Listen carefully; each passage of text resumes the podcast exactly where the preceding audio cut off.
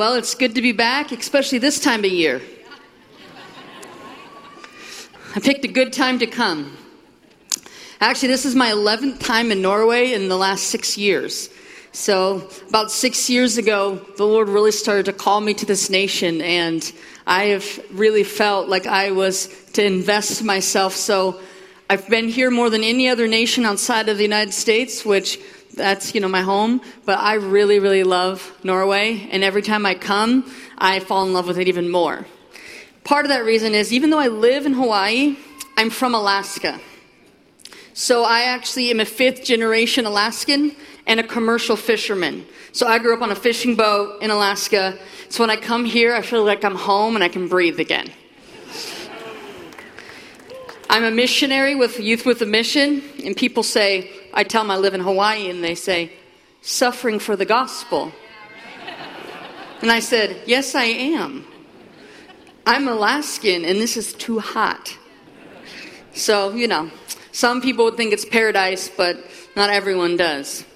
Not necessarily me, but I love being a part of what I'm a part of. Well, every time I come to this nation, I feel like there's an increase of hunger over these last years, um, I've just, every event I do, or conference, or school, I'm like, I think there's an increase of hunger inside of this nation, inside of the people of this nation, which is encouraging. But I actually believe right now you're on the verge of an awakening. What we all been praying for. I think there's people that being that are being awakened, but I really believe that Norway is on the verge of a greater awakening unto the purposes of God for this nation. Do you guys agree?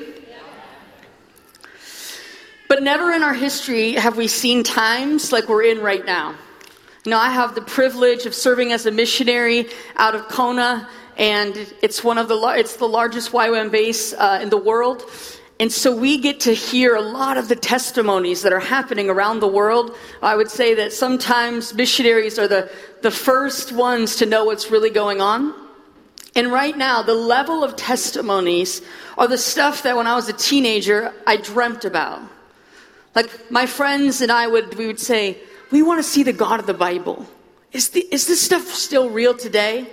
And I can honestly tell you that every day we hear testimonies of the God of the Bible doing things that we have never seen before. It is amazing. I would say that right now there's thousands upon thousands of people getting saved every single day. Thousands of people getting saved.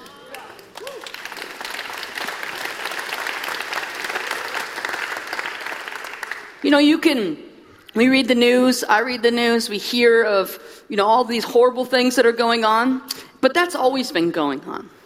Just looks a little different.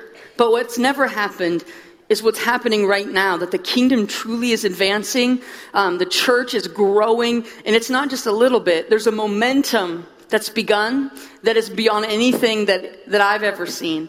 And asking some older people around me, I'm like, have you ever seen this before? And I said, not like this. You know, signs and wonders and miracles where it's becoming common for the 18 and 19 year olds to see this all the time. Um, I wished I had all the, the fresh stats, the numbers of what we're seeing in nations, but I don't have them with me right now, and I don't want to, to get them wrong. But I'm just saying that the nations are awakening to Jesus, to the love of Jesus, to the kingdom. And I believe, with all that's in me, or I wouldn't have been here 11 times, is that Norway has a very important part to play in the global move of God. And so I told the Lord, I said, Lord, I'll go every time I'm asked unless you tell me not to, because I believe that I'm meant to pour into this nation because it has such a strategic role in the move of God that's happening on the earth and that's going to continue to happen. So every time I come, I'm like, do you know who you are? Do you really know who you are? And that nations are waiting for you to come into the fullness of who you are because you have something you're meant to release on the nations of the earth. I don't know, maybe I'm more convinced than you are, but I'm pretty convinced of it.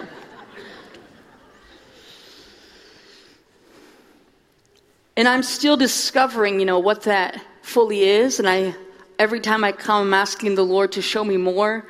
But I think there's many things. And tonight I want to just encourage us to take responsibility and to push forward into what the Lord is doing. I believe that there's people in this room right now that are meant to partner with the dreams of God. Sometimes we don't realize that God, He dreams, He has vision, He dreams. Now we know He creates, and we know that He commands, but I believe there's things in the heart of God that are His passion, that He's looking throughout the earth for people that will, instead of saying, God, will you come and fulfill my dreams? That they'll say, God, what's your dream and how do I partner with it? See, a lot of people think that it's all about their their dreams and their calling. But when we ask God what his dream is, that's when we begin to see above and beyond anything we could have ever imagined.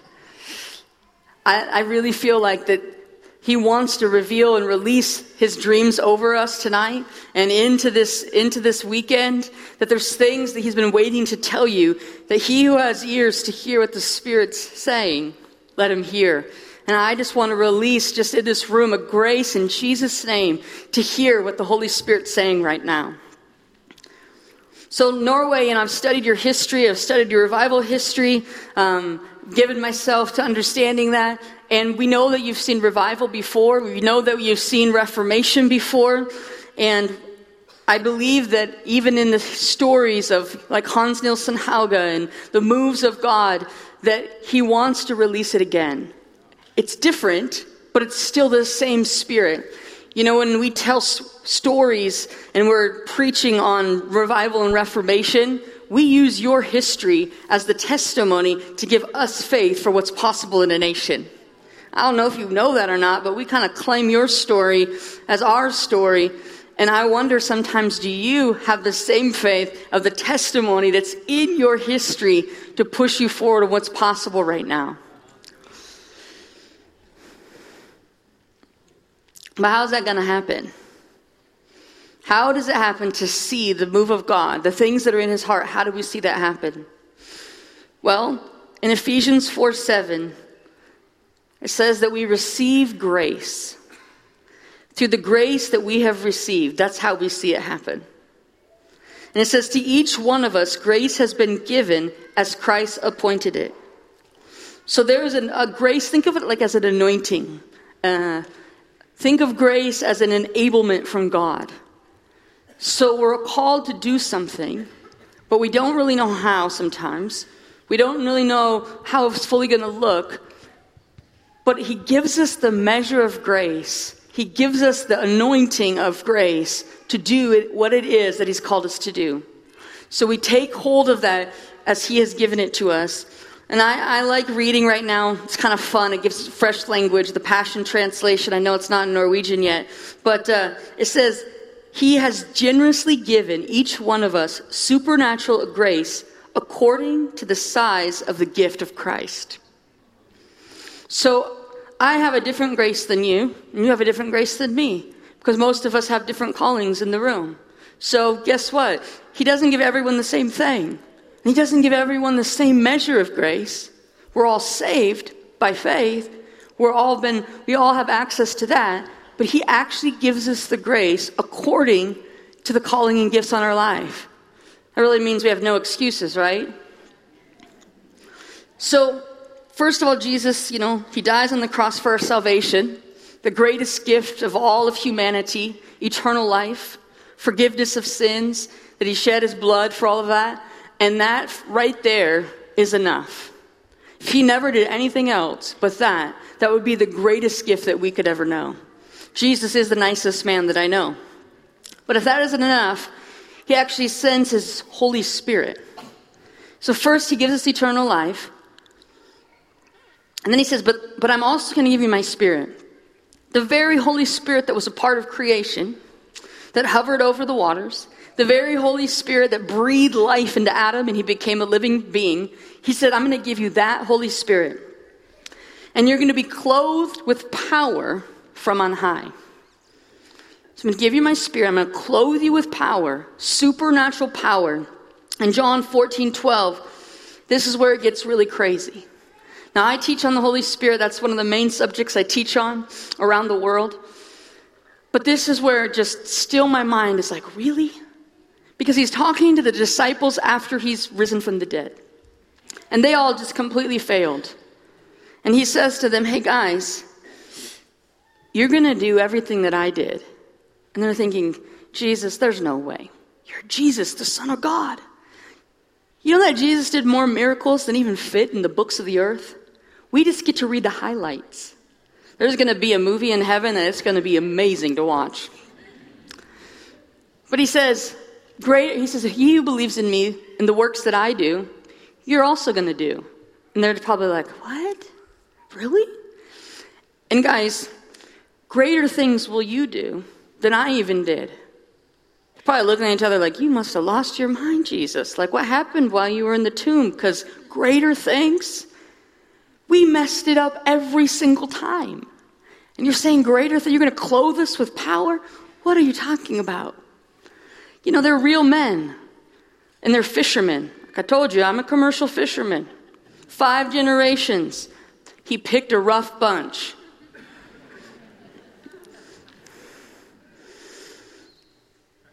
So he sends us his Holy Spirit to clothe us with power, and then he releases supernatural gifts in our life.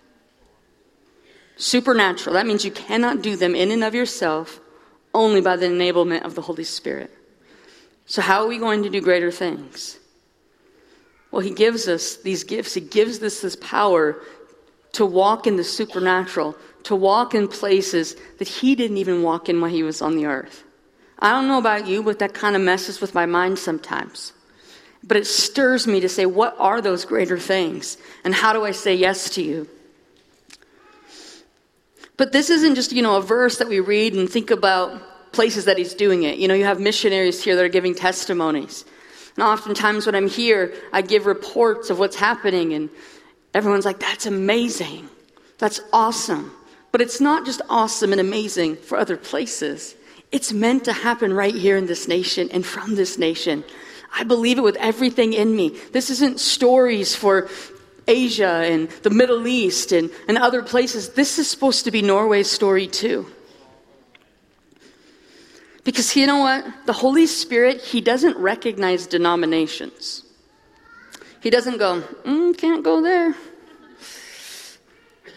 Oh, oh, can't go there. They have that, that denomination written over their door.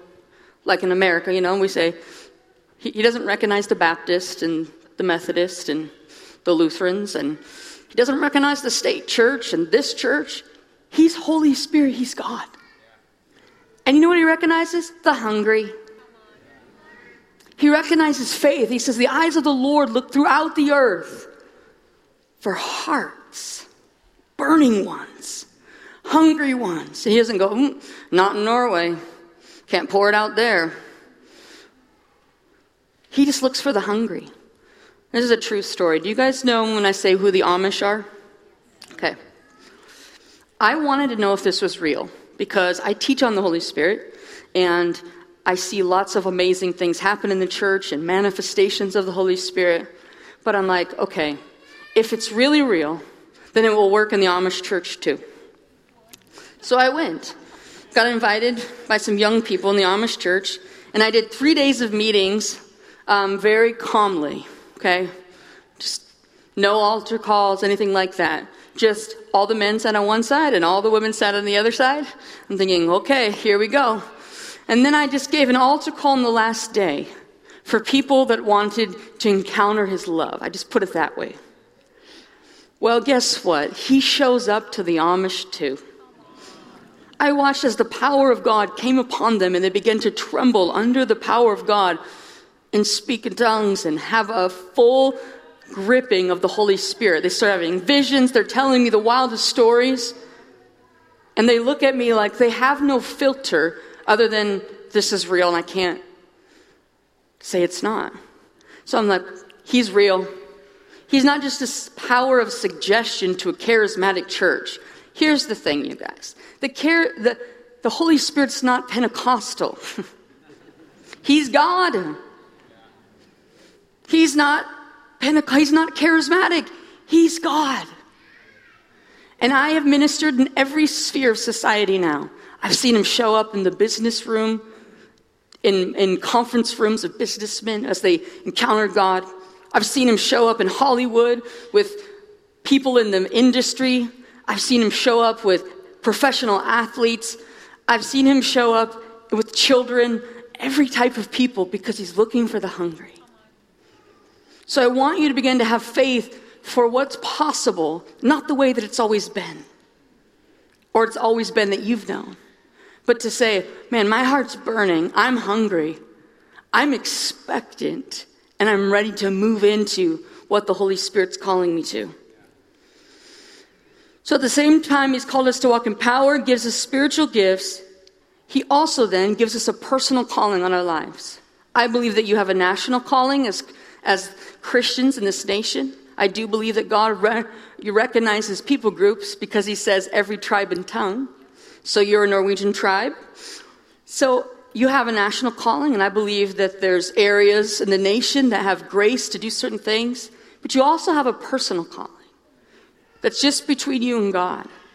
That He gives you assignments and then He gives you callings. Callings usually are what you're called to over your life. Assignments are often temporary and they're unto a certain outcome. But He gives everyone those because He's created us for a purpose, and the purpose of our lives is to give glory to God. There's going to be an increase. There is an increase of the glory of God. It's going to cover the earth. We're seeing those things happen. But your life on the earth isn't just to be a robot to do exactly what he says. It's relationship, but it's that your life would give God glory. You know, the greatest way that he receives glory is that when we are obedient to him and we step out in our weakness and in our strengths, and he adds himself to it, that the world would go, only God could have done that. So, the true identity, first of this nation, isn't just your strength. You're strong. It's not your industries or any of those things because they're like, oh, yeah, Norway can do that because it has finances. Or Norway can do that because it has a heritage. But they would look on and say, only God could have done that. He wants to release the kingdom of heaven on the earth through our lives and then he's called us to go into all the world and preach the gospel, to make disciples. But he also uses our natural giftings and calling, or in our callings. You know, some people are really are anointed to for business, or anointed for sports, or anointed for education. People have real natural giftings that when he adds his spirit to it, that's when the supernatural begins to happen. So you're like, well, in and of myself, I can only if I'm a teacher, I can only teach this way, and this is the extent of it. But when the supernatural Holy Spirit begins to come on your life, you'll then teach things that you didn't even know how you knew it. You'll begin to actually shift culture, and people around will be infected and affected by the anointing on your life, right? Well, only God can do that. The greatest personality can't change atmospheres for the kingdom unless he shows up. So, for, in order for God to get that full glory from our lives, that means that we have to partner with the Holy Spirit.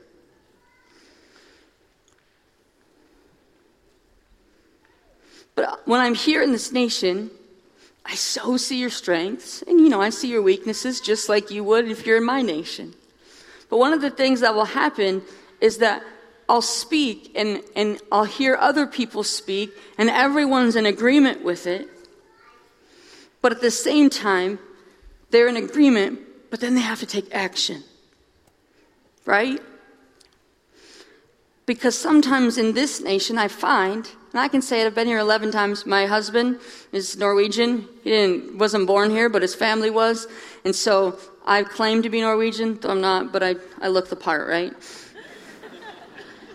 In the airports, they talk to me in Norwegian. They have no, idea you know, they just they can't believe I don't know how to speak it. I do know how to say "Kom Helion."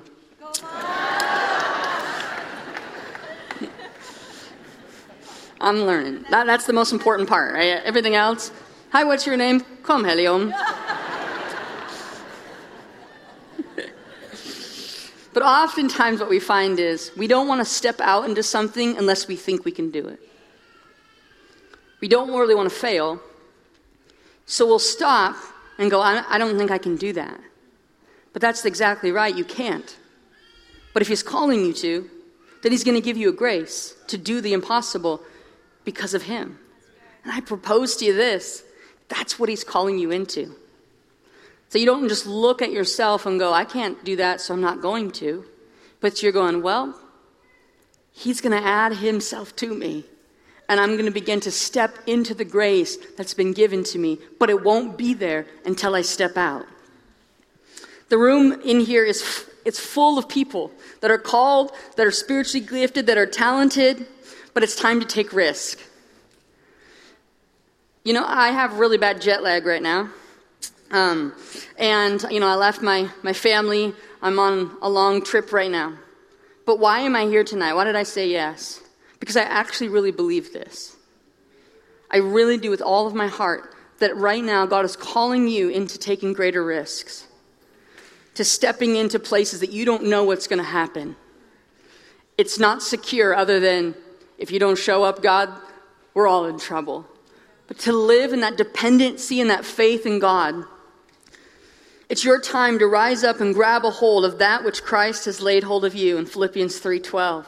We're to rise up and grab what God has grabbed us for, what he's gripped us for. And Ephesians 4:1 to live a life worthy of your calling. So we're meant to live a life worthy of our calling. So we have this calling and goes, My life worthy of this? Is how I am matching this gift and this calling? See, a lot of you in here, you know, you're here with your family. I love the family dynamic in this nation. You're with your family, you're with your friends. Some of you are from the same town, the same church. You're with the people that you link arms with and that you fight the good fight with, right?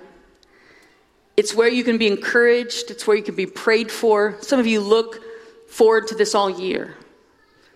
But you, you alone have to take personal responsibility for the words of God over your life and the calling on your life. Your family can't do it, your friends can't do it, your church can't do it, but you have to, it's between you and God. See, you can get prayed for, and that's awesome. I believe in impartation, but I can't impart to you the ability to say yes to Jesus. I can't pray your calling on you.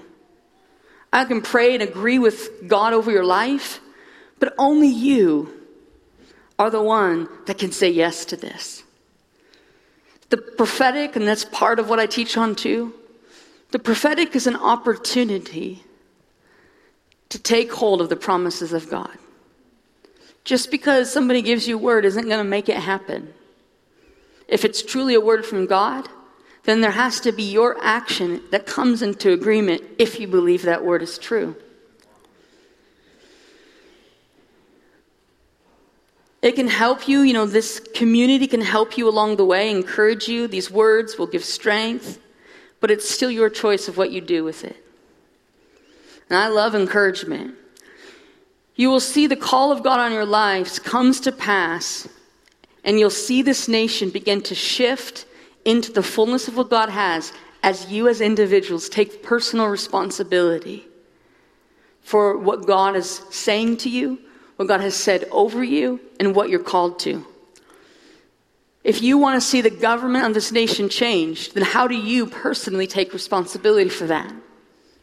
If we want to see the education system change, how do you come into agreement? You. To see that happen. Some may be called to pray. Some may be called to come and be a part of it. I don't know. We see these injustices. We're like, how can this happen? I teach mainly young people a lot. Well, actually, I, I teach all ages now, but uh, people ask me, you know, why would God let this happen? I thought He was good. I'm like, God didn't let it happen, you did. We're the ones responsible right now. And I know that I'm not responsible for people's actions, but I'm responsible for being a part of seeing things changed. And sometimes I just feel so insignificant You guys, not only am I from Alaska, but I actually grew up in the wilderness of Alaska with no running water or electricity. No other people, just my family. I didn't even know what the world was. And I am continually amazed that God looked down in the middle of nowhere and picked me. And now I'm traveling the world. If you knew my whole story, Oh, not that long ago, I was given less than 10 years to live. The doctors were wrong again. There's so many reasons why I should not be doing what I'm doing. But instead of just looking at it going, man, I hope someone does something about that, I have to take responsibility for what I believe that the Lord is saying. But sometimes we read things, we hear things, and we criticize it. Why isn't someone doing anything about that? I don't know. Why? How can this happen? They should do it this way. Well, if I was in charge, we have those types of things and conversations with our friends, and our heart might be really good. We want to see something happen, but we have to pray and ask the Lord, how do I say yes to this? We have to take personal responsibility for the passion and the fire in our hearts, for the intimacy that we have. Because sometimes people will say, well, the church that I go to, it's not like that. Well, it's not your church's job to be like that in your life. But I've seen so many churches get on fire because a few people had the intimacy and the fire of God on them. But we would go, I'm going to stand before the Lord one day, and my husband won't be in there. My kids won't be in there. My pastor won't be in there. It's just going to be me and him. And I want to be able to say, nothing held me back. Oh, I had trials and tribulations, but I said yes to you every day. I said yes to you in the impossible situations. And I'm left all the excuses at the door I just want to encourage you. I know it's probably not the funnest message, but I just think it's time. People, you know, I'm really, really busy person. And it's overwhelming sometimes the amount of things that I'm responsible for. But really, I can never say I, I'm too busy. Even my husband reminded me this the other day because I felt powerless in a situation. And he said, Amy, you can't think like that. He says, You always have the ability to say yes or no. Your priorities are in your control. And I just have to sometimes do things a little bit different. But I have to take that responsibility for what I pro- prioritize in my life. So I'm going to ask you again what are the words over your life? Think about it tonight. What do you believe? Maybe someone's given you a prophetic word, it's been confirmed, the Lord has spoken it to you personally. You have this passion that's put inside of you by God. You know. I bet I could ask every single one of you, and you could probably say something. So, what is that? But what are the talents that you carry? I'm now running a, a school in YWAM for the older generation. So, those, well, they're from 30 all the way to 90. Um, and sometimes I just get moms, you know, and, and they're like, well, I'm just a mom. I, that's all I've ever done. I'm like, do I have a job for you? You might be the most skilled person here. Like, well, and so sometimes we don't think like that. We just think we have a couple loaves and a few fish. But what he wants to do with it is above and beyond anything that you could imagine when He adds that grace to it. I'll tell you a quick story. Wasn't planning on telling the story, but one time I was in a big conference. And there was a man on the stage, and he was walking in power, healing anointing. And the prophetic gift on my life allows me to sometimes see what's happening in the spirit. And at that moment, I see this giant angel standing next to him. And I am like amazed. And I'm like, God. That's amazing. He says, Yeah, it's a healing anointing, it's a healing angel that's been assigned to him because of the calling on his life. I was like, Amazing. A little while later, I see this lady walk in the back of the, the building. Her hair is a little messed up, and she's got kids running around like crazy. And she's, you know, walking in about sideways. She can't believe she made it to church. I don't know who she was, but she looked like she was a little tired. And all of a sudden, my eyes were open, and I see all I see like three, four angels all around her. And I'm like, Lord, who's that? He goes, Oh, she's my friend. What? He goes, Yeah, she's trying so hard. And she's raising her kids the best that she can to love me. That's he's just speaking this to me. And he goes, Amy, those angels that are hanging out with her, they've asked to hang out with her. I'm like, why? because she reminds them of me. And he says, Amy, do you want the assignment or do you want the request? And that's how he spoke to me. It's my story. But listen, assignments are good, but I want to attract heaven. And I'm telling you, it's not the position you carry, it's the position that you live in. The kingdom is a little different than we sometimes think.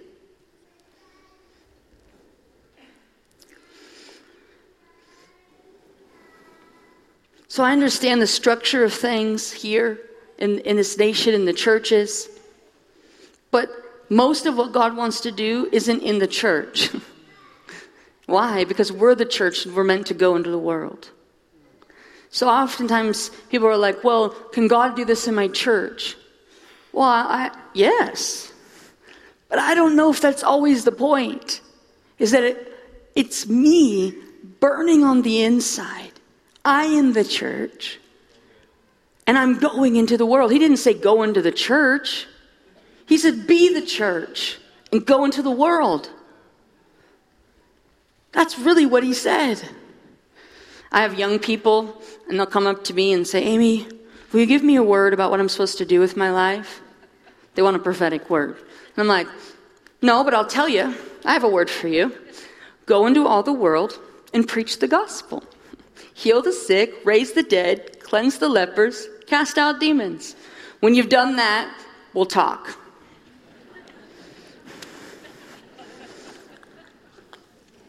Oh, but but see that's the most important part. Most of your heroes are people that were normal people that said yes to Jesus and did extraordinary things. It's amazing when you get out there and you see the people that God is using in the most extraordinary ways. There are way more of them than there are of prophets and people that are on massive stages.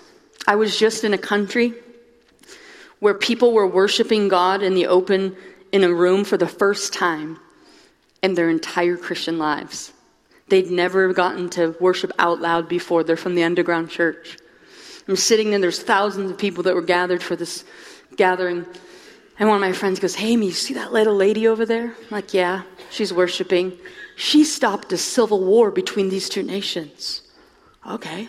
He's like, You see that lady worshiping? Yeah. She watched her husband and her children be killed. I'm like, and she's worshiping like that? Yeah, she has a revelation that I hope to have. And I realize that it's so different than what you think sometimes. He uses people all over right now to advance the kingdom that you'll never know their name.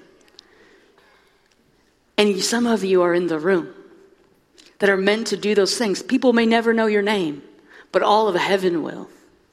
And that is the most important thing.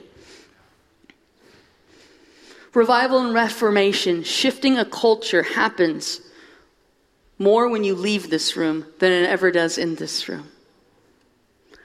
I love encounter. I love, you know, where there's so much God that I can't get off the floor. It's only happened a few times, but I love it. But when I get off the floor, what am I going to do with that encounter? It's not for me. I get, I get this because He's my friend and He's my Savior. I, I get access to all of Him. But those moments that He encounters me, it's for something. And sometimes it's a greater love, and you have a revelation of how much you're loved, but then you got to go tell people how much they're loved. Everything that He does unto a purpose. The more on fire we are, the more passionate we are, the more in, that we change the culture as we go and do what He's called us to do. You know, sometimes we talk about our families and our communities. And I come from a really hard situation. I grew up in a hard situation. But you know what? God has used me to change the culture of my family. I have every reason, again, not to do it. But if you want something to change, how do you see that happen? You hear what I'm saying tonight that He's removing the excuses of why something cannot happen into it's going to happen if you partner with Him. Right? Families changed. I've seen entire families come to Jesus in one moment. So many miracles of restoration in families. I've seen it in my own family, in communities and cultures and churches, because a few fiery ones looked like love. They didn't get up and tell them how it was to be done. Something about you is different. What is it? I love when people ask me that. I'll be on a plane or somewhere else and they'll go, What about you is different? Let me tell you. Oh, me, nothing. But who's with me, he's something. Ephesians 4:1 in the Passion Translation says, I plead with you to walk holy in a way that is suitable to your high rank given to you in your divine calling. Your high rank. God speaks his dreams to his friends. And sometimes our calling can become an idol if we're not careful. It means our whole life is trying to do something, but really it's to be something. And that being is in relationship with Jesus.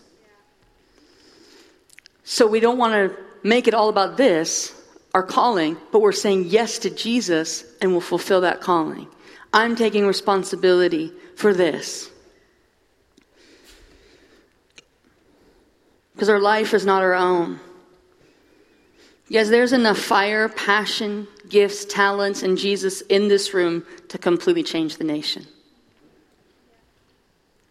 If every one of you, right now, there's enough fire, hunger, passion, giftings, and talents right here to see a nation changed and nations encounter God. You're influencers, you're leaders, you're co creators with God. Tonight, I want to speak to this room, not just as a whole, but as all the individuals in this room that are uniquely and wonderfully made. Called in one of the darkest hours of human history to rise up and take a hold of the purposes of why Christ took a hold of you not giving any excuses or waiting for someone to make a way for you, but to start with simple obedience in your daily life. To have Jesus be a part of everything you do. That's what I want to say. Most of you are never called to stand on the stage, and you may never get invited to be a part of a ministry in the way that you think. But we don't need more ministries. We need more people full of the fire of God that are in all of the spheres, that are in all of the places. And I just want to ask you tonight if you've to respond to this in your own heart. And I want to invite you to just a commitment in this room to take greater responsibility, to not look around to somebody else, to wait for a special moment an invitation, the invitations come. The same spirit that raised Christ from the dead lives inside of you. He's clothed us with, um, with power. He's given us the gifts and the talents. And then He adds His supernatural grace to our life. I want to invite the worship team real quick. We're just going to do a quick ending. I know we're out of time. Sometimes I can get wild when I'm preaching and all crazy. But tonight I just feel like having a conversation with you more. Just to say, hey, I really believe that now is that time. I feel like at any moment, the bowls of heaven are going to tip over and fire is going to be poured out. But I believe it's not because we've been waiting for it, but more than we've already gone after it. And that's why they're full and they just can't help but tip over. So if you in this room feel like the Lord is inviting you, challenging you, you know that you need to take a greater yes, a greater responsibility over the words over your life, over the callings on your life. I just want you to stand and I'm just going to pray corporately.